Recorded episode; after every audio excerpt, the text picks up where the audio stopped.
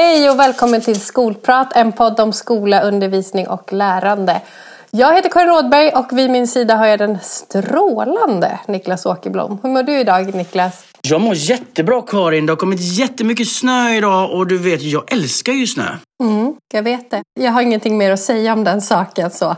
Men kan man inte få vara en person i Sverige som faktiskt uppskattar snön, det är hockeyslutspel, det är... Det, är liksom, det ska vara vinter några veckor till, sen får gärna våren och sommaren komma. Mm, jag håller med. Nej, det gör. Man får, vara, man får vara precis som man vill Niklas, det är helt okej. Man får älska snö. En stor del av poddens kärna är att alla ska få vara som de är.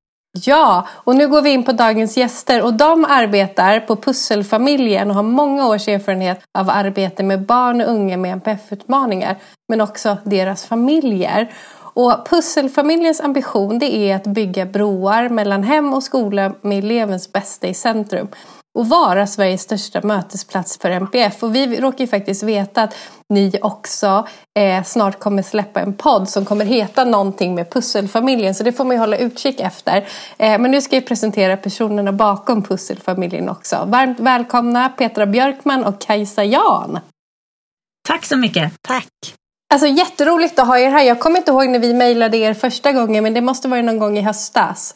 Ja, det var i höstas, så vi har väntat länge på det här. Men nu är det äntligen dags. En snöig dag i slutet av mars 2023. Hur mår ni idag? Ja, men vi mår jättebra båda vi två, men till skillnad från dig Niklas, så jag är så redo för våren så jag, jag tyckte att det här var jobbigt att det blev en, en lite, ett bakslag här med snön idag. Men å andra sidan så vet vi ju att datumen närmar sig. Och ljuset å andra sidan var ju mycket bättre här nu med eh, att vi har sommartid, eller ja, gått in på sommartid. Ja, underbart. Under våren här så har ju våran podd handlat mycket om MPF. Vi har träffat bland annat psykologen Anna Backman för att prata om hur en utredning går till och hur skola, hem, BUP och habilitering behöver samverka kring barn med MPF. Detta följdes upp av ett samtal med psykologen Ingrid Nordslätten Wiborg där vi fokuserade på flickor och MPF. Dagens avsnitt ska handla om samverkan kring barn med MPF och deras familjer. Men först Petra, du grundade ju Pusselfamiljen. Varför gjorde du det?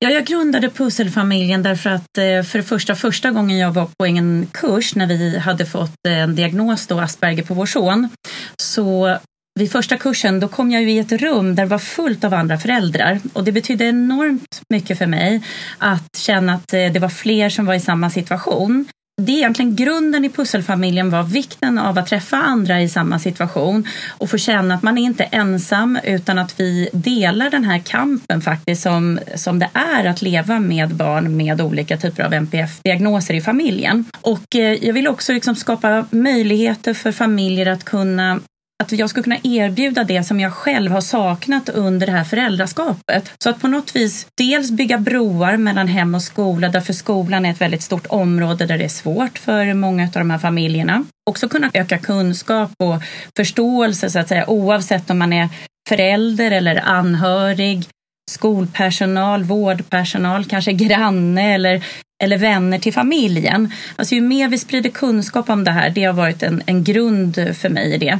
Och att då starta Pusselfamiljen utifrån ett Instagramkonto som var liksom starten av det här. Och, och jag tror också just att, att möjligheterna att fler får känna att de också får dela med sig av sina erfarenheter, det har varit värdefullt för oss. Vi får ju väldigt mycket meddelande om just det här, vikten av att inte känna sig ensam det är väldigt många som skriver till oss och bara tackar för det. Kan ni inte berätta lite mer om hur arbetar Pusselfamiljen idag? Eh, ni sa alldeles nyligen att ni startade med ett Instagramkonto. Hur ser verksamheten ut idag? Ja, men det är dels handlar om det här nätverket som är det här Instagramkontot och Facebook-sidan där vi försöker sprida mycket kunskap, tips och råd, inspiration.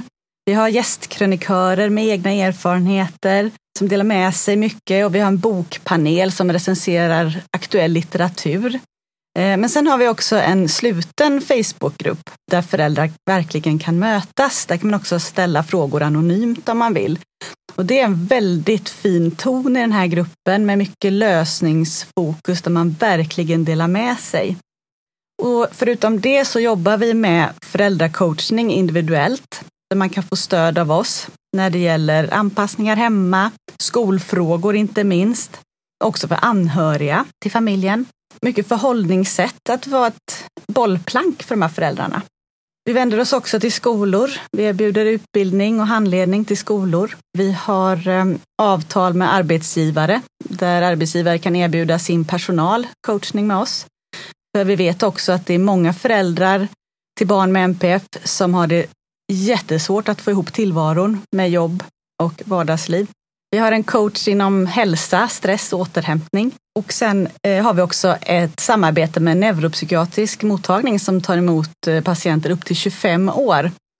För är det något som, som vi har lärt oss så är det att när de här barnen fyller 18 år och slängs in i vuxenpsykiatrin, då blir det väldigt svårt. För det är många som inte har den här mognaden att ta det här ansvaret för sin vård själva. Det är lite av det vi gör mm. nu. Och det, det har varit ett fantastiskt fint och är ett fantastiskt fint samarbete just att även om det är privatfinansierat men att man har möjligheten att komma till hjälp om det behövs eftersom vi vet att köerna och så vidare är väldigt långa. Så det blir på något vis, vi bygger, det här kallar vi egentligen en pusselmodell runt familjerna. Vad behöver vi utgå från? Vad behöver man som så kallad pusselfamilj? Alltså det vill säga familjer med barn med NPF-problematik i familjen. Men jag vet, jag har ju träffat er vid ett tillfälle eh, via skolan jag jobbade på då, att ni hade eh, en familj där och en, ett en elev och så hade vi ett samtal kring den här eleven, det kommer jag ihåg. Det var faktiskt då som jag sa, nej men de måste vi ha med i skolprat. Det var så jag fick syn på er. Så ni gör ju hur mycket som helst verkligen. Det skrivs ju mycket om det här hela tiden, tänker jag, det ni jobbar med. Och nyligen så skrev Riksförbundet Attention en, eh, en debattartikel tillsammans med Kain och rubriken på den, alltså den var rätt hård att läsa tycker jag. För den var barn och unga eh, med psykisk funktionsnedsättning tvingas vänta för länge på hjälp. Den, den, säger ju allt och enligt den här debattartikeln så fick 17 procent av barnen tid för utredning inom tre månader. Det är väl det som är vårdgarantin tre månader, eller hur? Och nästan var fjärde barn fick vänta fyra till sex eh, månader. Och 36 procent av barnen fick vänta mellan ett till tre år på utredningen. Och detta då trots att forskningen visar att tidig upptäckt och tidiga insatser för barnet ger bättre utfall både för individ och familj, både socialt och hälsomässigt. Alltså vad tänker ni när ni hör det här, när ni läser det här? Ja, och vi vet ju sedan lång tid tillbaka att det ser ut så här och alltså det är ju katastrofalt. Vi vet som du säger att tidiga insatser är fullständigt avgörande för det individuella måendet och så vidare. Och ändå vittnar all granskning och alla undersökningar om att detta fungerar inte. Vi har alltså en i mina ord, vårdskandal i Sverige där vi har, vi vet från förra veckan fick vi siffror på att över 24 000 barn står i kö. Och då ska vi prata om, det här är barn som syns i kön där vi vet, men vi vet också att när man väl har kommit in i kön så att säga, då väntar ytterligare köer för att faktiskt få behandling eller hjälp till utredning. Och när man väl har fått eh, kanske en diagnos så ska man vänta på lång tid, i många fall även ett år där, på medicinering. Och sen så kan vi ju titta på att om vi tittar tillbaka, även tidigare än det, så har ju många av de här familjerna kämpat ganska länge för att liksom ens komma in till hjälp.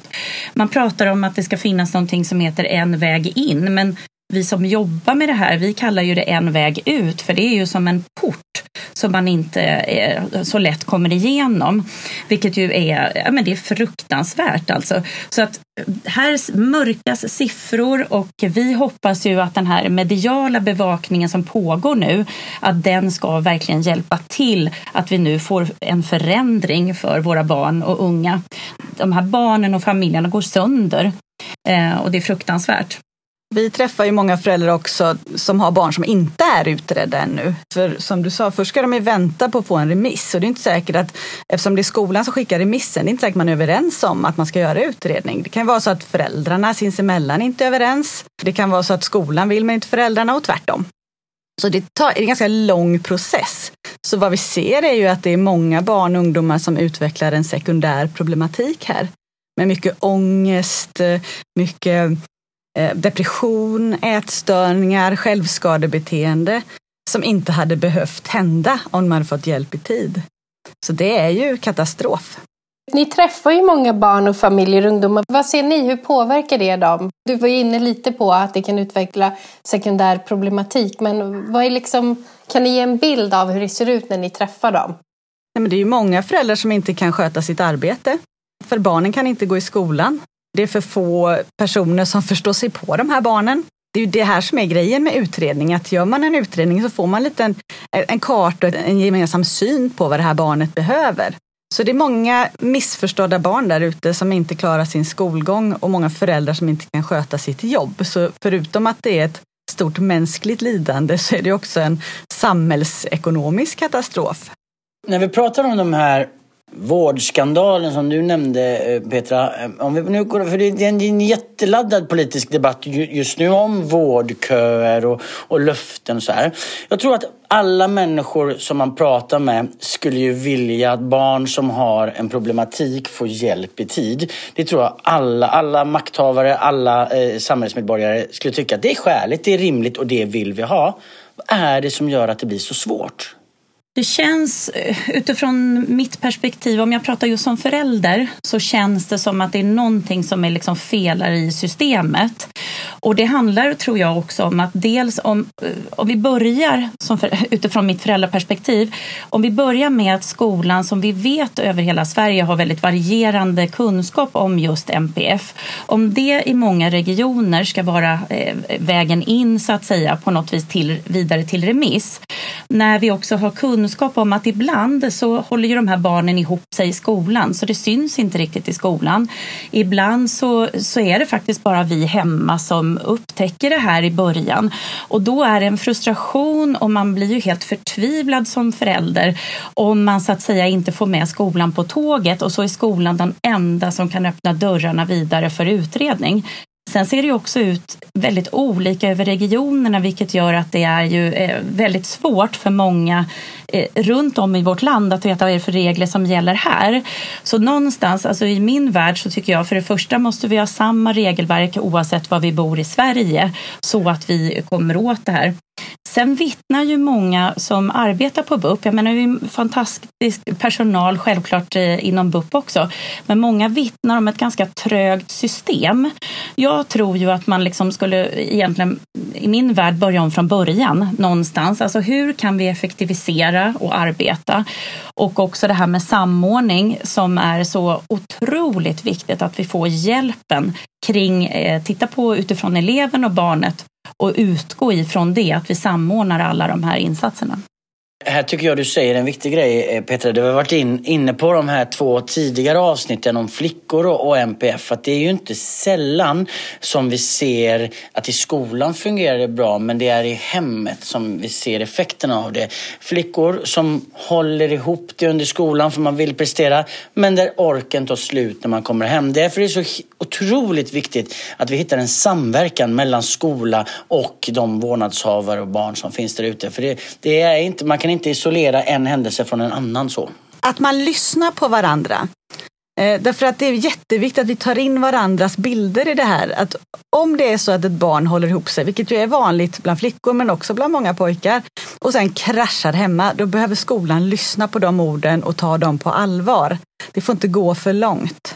Och jag kan inflika just med att i, i vårt fall så var det så när våran son skulle utredas, då såg man inte det från skolans håll. Men på den tiden så kunde vi få eh, kontakta BUP själva och få göra en så kallad egen remiss och fick då göra en utredning. Och vid det skolåtgivningsmötet som vi hade med skola och Eh, med BUP och vi föräldrar där vi välkomnade den här diagnosen. Vi hade haft ett eh, skav i magen om jag säger. Vi hade haft funderingar under flera år och Max var då sju år när den här utredningen gjordes.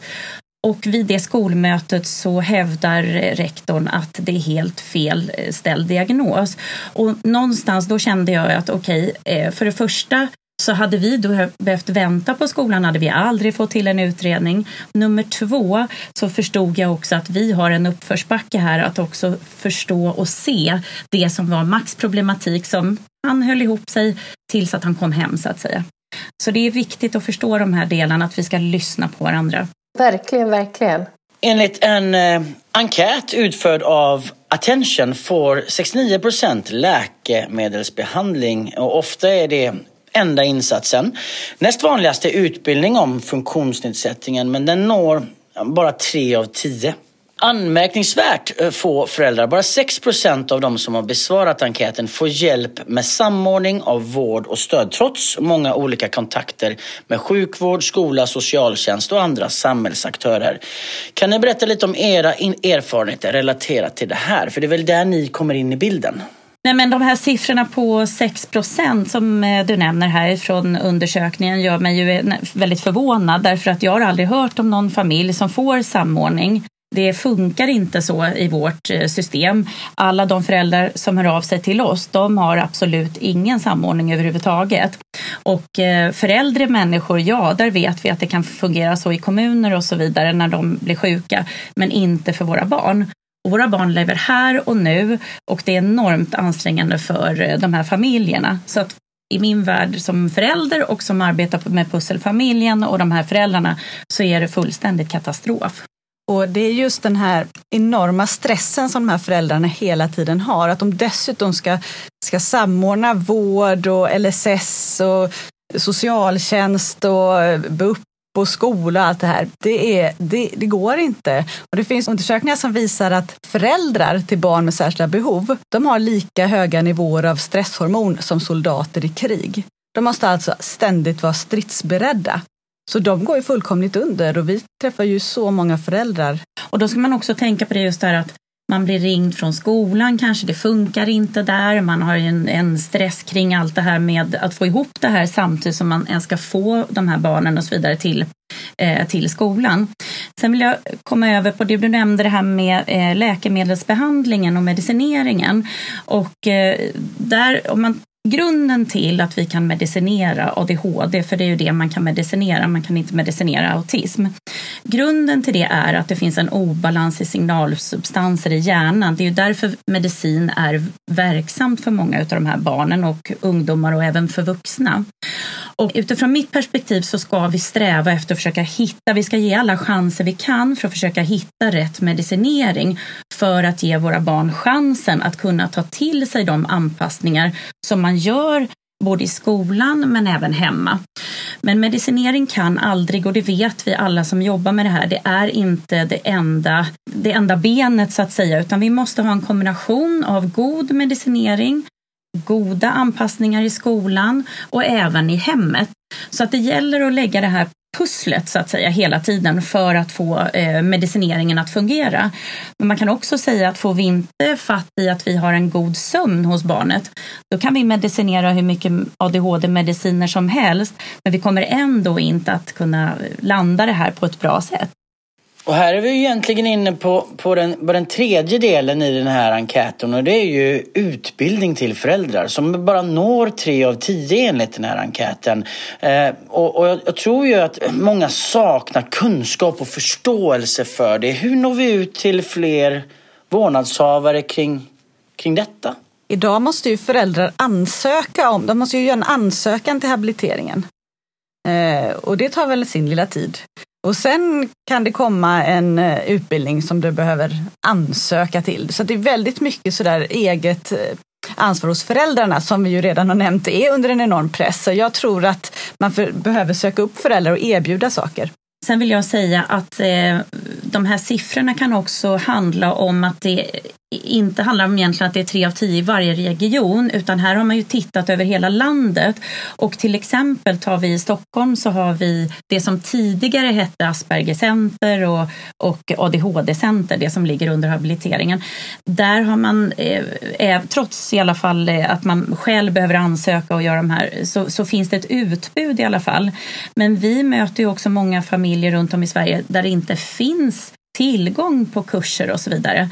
Vi har också en del som har skrivit till oss och sagt att jo, det fanns en kurs att gå, men det har inte varit bra nivå på det här.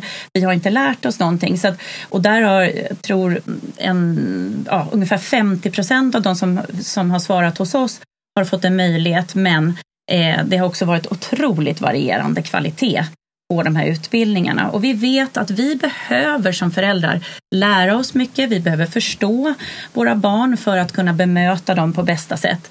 Precis på samma sätt som skolan behöver också ha en hög kompetens i det här så att säga. Ja, men det är jätteviktigt. Jag vet när min dotter fick sin utredning, det var under pandemin så det gick ju inte att gå några kurser här i Stockholm eh, på ADHD-center. Men jag vet att min mamma hade ju tusen frågor och då kunde jag anmäla henne till en för, för mormor, ja, far och morföräldrar. Och det var väldigt så här, tacksamt för hon skulle behöva mycket mer såklart, som alla andra. Men det var ändå så tacksamt att hon kunde få gå någonting och sen förstå lite mer om hur hjärnan funkar, varför man väljer att medicinera och så vidare. Mer utbildning behövs verkligen. Och ni, ni, ni spelar ju en viktig roll i det här. Eh, vi har ju en punkt i vår podd som heter Karins kritiska kommentar eller Niklas nitiska blick och idag så är det min tur. Eh, och vi vill säga att det här behöver inte vara våra åsikter som lyfts upp i den här utan någonting vi har fångat upp i debatten eller i samhället.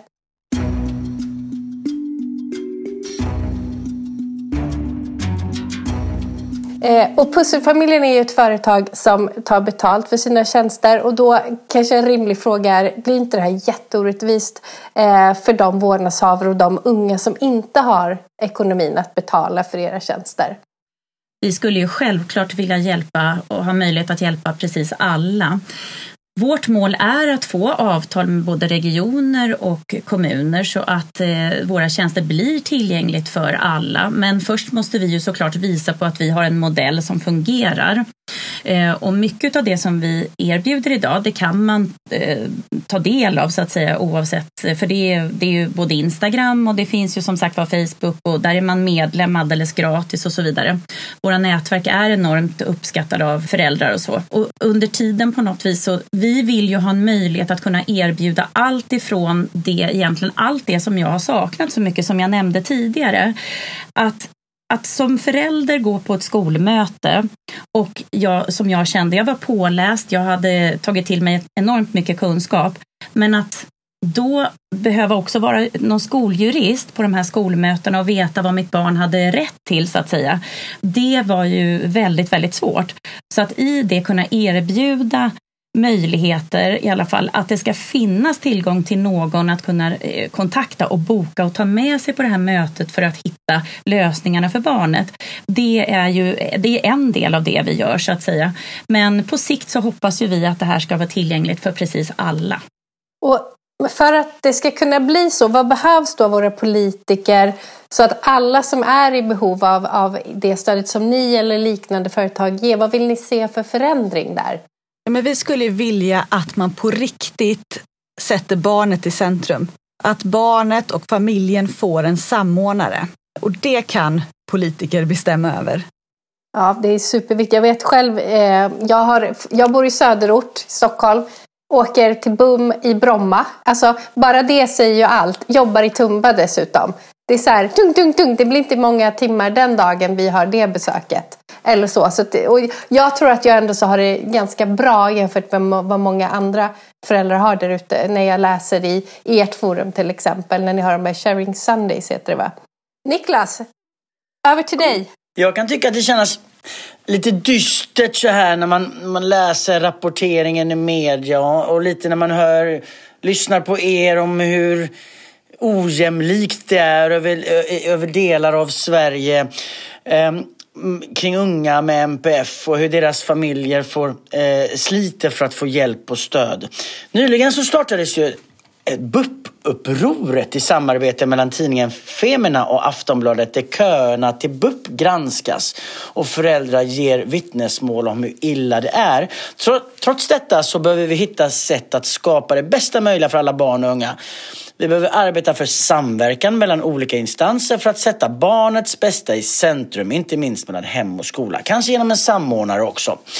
Men Petra och Kajsa här, hur kan vi på bästa sätt skapa möjligheter för samarbete mellan hem och skola? Och det jag skulle vilja börja med att bara nämna att det här är så viktigt när det görs sån här granskning som Femina och Aftonbladet har gjort. Det är en fantastisk granskning. Pusselfamiljen har varit en del av den här granskningen, en liten del av den. Vi har arbetat med det här i sex månaders tid. Och en del av pusselfamiljens arbete är just påverkansarbete. Så därför är ju det här så viktigt att många av delar av det vi ser, som du säger Niklas, det måste få ett slut. Under tiden, vi fixar ju inte det här över en natt, så under tiden, precis som du nämner, så behöver ju de här barnen och eleverna hjälp här och nu. Och eh, som jag också nämnde tidigare så är skolan det särklass det område som eh, bringar egentligen mest problematik faktiskt för de här familjerna. Och vi måste bygga broar mellan hem och skola. Vi måste få det här samarbetet att fungera här och nu och förstå varandra. Jag brukar prata om det att vi måste börja med goda relationer och goda relationer bygger på lyhördhet. Lyhördhet för varandra och det, våra varandras perspektiv. Och för att vi ska kunna få lärare och pedagoger att förstå hur ser det verkligen ut hemma hos oss som lever i en sån här familj, då måste vi våga vara ärliga. Vi måste våga berätta vad är det för ord som används hemma, även om det känns lite skämmigt. Men att ju mer vi vågar öppna upp, många föräldrar är måna om sina barns integritet och så berättar man inte allt. Jag tror ju mer på en god kommunikation och att berätta hur det verkligen ser ut. Eh, favorittröjan hade vi missat att tvätta så det är kaos. Vi börjar på en väldigt låg nivå på energin redan från start eller plingorna var slut eller så vidare. Så att vi vågar vara eh, öppna till varandra för det. Men också att vi föräldrar måste våga eh, ta in vad ska jag säga, information om våra barn utan att eh, våra känslor går i taket. Alltså som all skola och pedagoger måste också få en möjlighet att berätta hur var det på riktigt och vad var det som barnet gjorde som var tokigt eller vilka problem uppstod så att vi någonstans möts i vi vill det bästa för barnet då pratar vi om barnet utan känslor om vi nu ska försöka, eh, om jag ska vara tydlig liksom i att säga, jag vill verkligen uppmana många föräldrar till det. Så där tror jag ju eh, finns en jättestor del. Men återigen, Ska vi föräldrar våga vara öppna, då måste vi känna trygghet och vi måste känna eh, en lyhördhet för det på något sätt. Då flikar jag in då efter 23 år i skolans värld att det saknas också resurser. Ingen kanske blir jätteförvånad nu när jag säger, sticker ut hakan och säger det. Men det saknas ju resurser till kompetensutveckling. Det är ju alldeles nyligen som det blev obligatoriskt på specialare och specialpedagogprogrammen att läsa om MPF. Eh, så att det saknas jättemycket kunskap i skolorna. Det är ju väldigt lotteri var barnen hamnar om man råkar hamna på en skola där det finns kompetens eller inte gör det. Och det är också så att skolan ska ju följa skollagen. Men det finns ju delar i skollagen som är omöjliga att följa om det saknas resurser. Att man ska få det stöd som man behöver.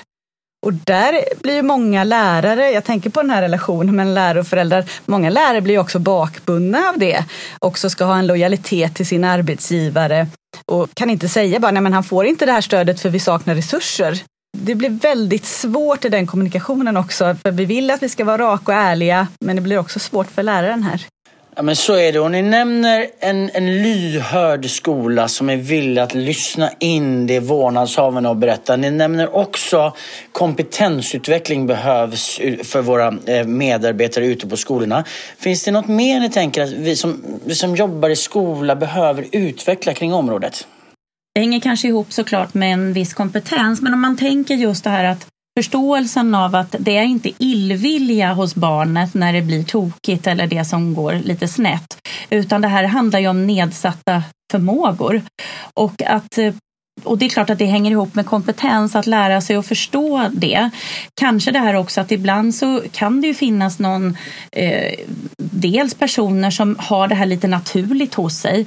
Alltså låt någon få vara ett språkrör på något sätt kring MPF på skolan. Det är min tanke i alla fall att här kan man göra jättemycket kring någon som är extra intresserad eller så, att skolan på något vis tillsätter en, en grupp där, där man kan förkovra sig lite mer runt det här med MPF och sen så hjälper man till att sprida det här eh, vidare. Också det här med täta möten som jag tycker är superviktigt att vi att vi hela tiden hörs av och de lyckosamma samarbetena på något vis, det handlar ju om det här att vi hela tiden tittar på vad behövs göras runt det här, den här eleven. Jag tycker också man måste liksom säkerställa att varje elev har minst en god relation till en vuxen på skolan. Och har den inte det, då måste skolan se till att fixa det. Men jag vet, Johanna Lundin har varit med i podden vid något tillfälle och då sa hon så här Ja, men kolla i arbetslaget, gå igenom elevlistan för alla, hela årskursen. Vem, vem, vem hänger med Pelle, vem hänger med Kalle? Men den här och Stina, är det ingen som har bondat med henne? Okej, vem ser till att göra det? Vi måste liksom systematiskt kartlägga så att alla elever har en god relation till åtminstone en vuxen. Jag läste någonstans att barn med MPF har svårare att knyta an till sina lärare. Det bara snurrade förbi mig häromdagen. Känner ni igen det? Alltså min erfarenhet av det handlar egentligen att det är väldigt mycket kemi. Som, jag tror inte i sig kanske, i alla fall inte min erfarenhet, att, att det är svårt att knyta an. Men däremot, för till de som de verkligen funkar så bra med, då knyter de an väldigt, väldigt väl. Så eh, för mig är det så, om man ska några konkreta saker som är viktigt, det är ju just att vad är barnets B-utgång? Alltså vad är exiten? Händer det någonting, vem på skolan ska barnet direkt kontakta? Eller som kan finnas runt omkring. Bara där är det ju en, en jätteviktig del och det handlar ju om det här med kemin med vad som gäller för barnet. En annan rent konkret sak som vi har jobbat med väldigt mycket i vår familj och som vi tipsar andra om, det är det här att det är väldigt svårt att ställa frågor till de här barnen många gånger och få ett svar. Vad funkar, vad funkar inte och så vidare. Så för att, eh, och, ju svårare svårigheter man har faktiskt, desto svårare är det att svara på de frågorna. Så jag rekommenderar att då kan man använda sig av ett skolschema över veckan och så sätter man sig ner hemma med eh, överstrykningspennor och så kan man ha olika färger. Alltså cerisrosa är, då är det jättesvårt och, är det, och så kan de här färgerna gå till, mot grönt och då är det inga problem.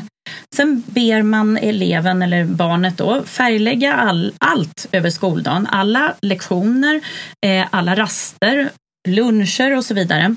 Det här gör att man får så att säga en, en, det blir som en termometer av hur barnet upplever sin skolvecka.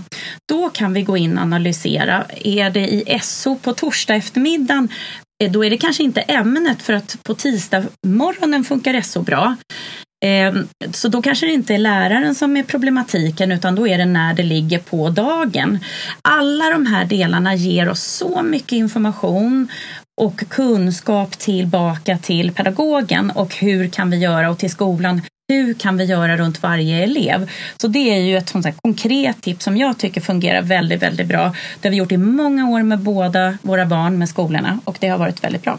Överhuvudtaget ta med barnet. Vi, vi har ju eh, handlat en hel del och det är väldigt sällan som pedagogerna har pratat med själva barnet om svårigheterna. Så det är ett tips överlag. Liksom. Ta med huvudpersonen. Varenda samtal, Niklas ler nu också tror jag. Varenda samtal vi har med kloka människor så är det en sak som alla har gemensamt. Och det är att ni säger prata med barnen. Varenda, från Lena, Lena Ljungdahl om PDV-attacker till er till Albulena som var årets lärare för några år sedan. Prata och lyssna på barnen. Vi får inte glömma det alltså. Jag tror vi glömmer det. Och jag vill också eh, säga som en röd tråd genom eh, de här NPF-avsnitten som vi haft nu under våren så ser jag en annan gemensam nämnare som kan vara väldigt värt att, att highlighta och det är att alla barn vill lyckas. Eh, och det, eh, när, när det är någon, någonting som går tokigt så beror det på någonting och kan vi hitta händelsekedjan som har utvecklat det då, då, kan vi börja jobba med någonting. Men alla barn vill i grunden väl, alla barn vill lyckas i skolan och, och man får inte glömma glömma det när man har barn och elever som har lite svårare för sig i skolan. Nu börjar det bli dags att avsluta, eller du kanske ville säga någonting innan? Ja, jag ville gärna säga en sak till och det är faktiskt att vad vi ser, vilket är en, en sån stor oro, det är att många barn sätter lika med tecken med vad de är för person är vad de presterar i skolan. Och här är det så viktigt för skolan och det här kan vi också titta tillbaka till att hela skolans system kanske. Det här är ju inte enskilda individuella lärare där det handlar om. Det är ju hela vårt skolsystem någonstans som också man behöver titta på. Därför att de här barnen går igenom hela sin barn och ungdomstid och tror att de är fullständigt värdelösa. Det är det vi får till oss och det vet vi att det är så det ser ut. Och det skrämmer mig för att då, då förstör vi barnen när vi vet att barnen vill lyckas pedagogerna vill ju också att barnen ska lyckas och föräldrarna vill också att barnen ska lyckas. Så att eh, det är oerhört viktigt. Du är inte din diagnos, du är inte dina skolresultat. Du är som du är och du är fantastisk. Lite så. Eh, jag skulle vilja lägga till ytterligare en grej som jag har fastnat för, som jag har suttit och tänkt på lite under den här sista delen av avsnittet. Och det är det här med vårdnadshavarkontakten. Eh, när man, när man träffar mycket Eh, skolfolk, eh, lärare, skolledare, andra yrkesmänniskor i skolan så kan det ibland vara en grej som man tycker är jobbigt. Man kan tycka att det också är väldigt, alltså vad ska man säga, en hög eh, arbetsbelastning kring att möta vårdnadshavare och dylikt. Och jag känner inte igen mig i den bilden utan jag tycker att det är en guldgruva till information och till samverkan. Det jag tror att många skolor skulle behöva för att få till ett bra samarbete det är är givna forum när man kan samverka. Det är väldigt lätt att man man skapar en kontakt med en vårdnadshavare när någonting dåligt har skett. En, en lektion som gick dåligt. Och det är ingen bra grund att bygga samverkan på att vi ska höra av oss till varandra vi alltid vid missnöje. Att vi alltid har, du nämnde det Petra, kontinuerliga möten så att vi även kan lyfta de sakerna som har gått bra. Så att vi skapar givna forum kring när samverkar vi, på vilket sätt samverkar vi. Också ett bra tips och idé som du gav där med att vi håller känslorna kring det utanför och försöker kolla så att vi kan faktiskt faktiskt titta på de faktiska utmaningarna vi har och vi kan överkomma det. Och det är en sån, sån sak som jag tar med mig från det här avsnittet väldigt mycket.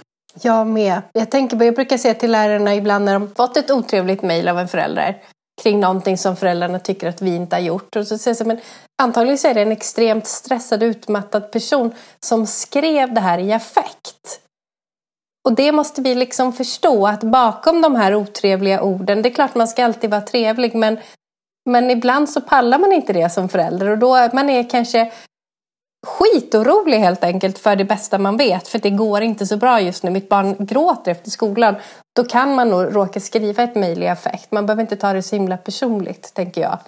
Men nu, dags att summera. Och vi brukar ju alltid som avslutning på våra poddar be våra gäster om tre tips att ge till våra lyssnare utifrån temat som vi har haft. Så Petra och Kajsa, vilka tre tips relaterar till hur man som förälder till barn med NPF kan få hjälp kan ni ge? Och en följdfråga på det då. Hur kan skola, hem och övriga instanser samverka för barnets och familjers bästa? Tre tips som eh, jag tänker på, det är ju det här läs på. Alltså om vi pratar utifrån alltså föräldraperspektivet, det gäller ju också för skolperspektivet, men läs på. Um, så att vi skaffar oss kunskap Eh, hitta nätverk, det vill säga hitta andra i samma situation. Det ger en enorm kraft. Och eh, det finns på olika ställen, både i sociala medier och, och eh, i föreningar och så vidare. Men hitta nätverk. Och ta också reda på vad finns det för stöd i din region och i din kommun som du som förälder har rätt till. Och sen när det gäller samverkan som vi var inne på förut så ser vi att det behövs en stor förändring där allt inte är så uppdelat, att varje instans inte jobbar för sig, utan att man samverkar kring, kring barnet, att barnet och familjen får en samordnare som koordinerar alla insatser. Eh, för som vi också var inne på förut, förutom det här mänskliga lidandet som nu pågår så är det också en samhällsekonomisk katastrof. Så alla borde se ett stort intresse till att förändra det här. Tack så jättemycket Peter och Kajsa för att ni var med idag. Alltså jättelärorikt. Både sorgset, på, sorg, lite så här sorgsen är, blir man ju. Men samtidigt så här att ni driver de här frågorna och gör det på det här engagerade sättet. Det gör ju att man blir väldigt hoppfull för alla barn och unga. Och deras trötta föräldrar också, ska jag säga. Jag kan bara instämma här. Ja, det var jättetrevligt att få, att få pratas vid och också finns det ju mycket positivt runt det här. Jag menar det finns mycket goda krafter. Samarbetar vi så finns det ju alla möjligheter för de här barnen också att kunna lyckas. Så att, eh, tillsammans så tror jag vi verkligen kan göra stor skillnad om vi sätter barnets eh, intressen i fokus på något sätt. Det blir ett jättebra avslut på det här fantastiska samtalet. Tack så mycket. Hej då! Hej då! Tack! Hej!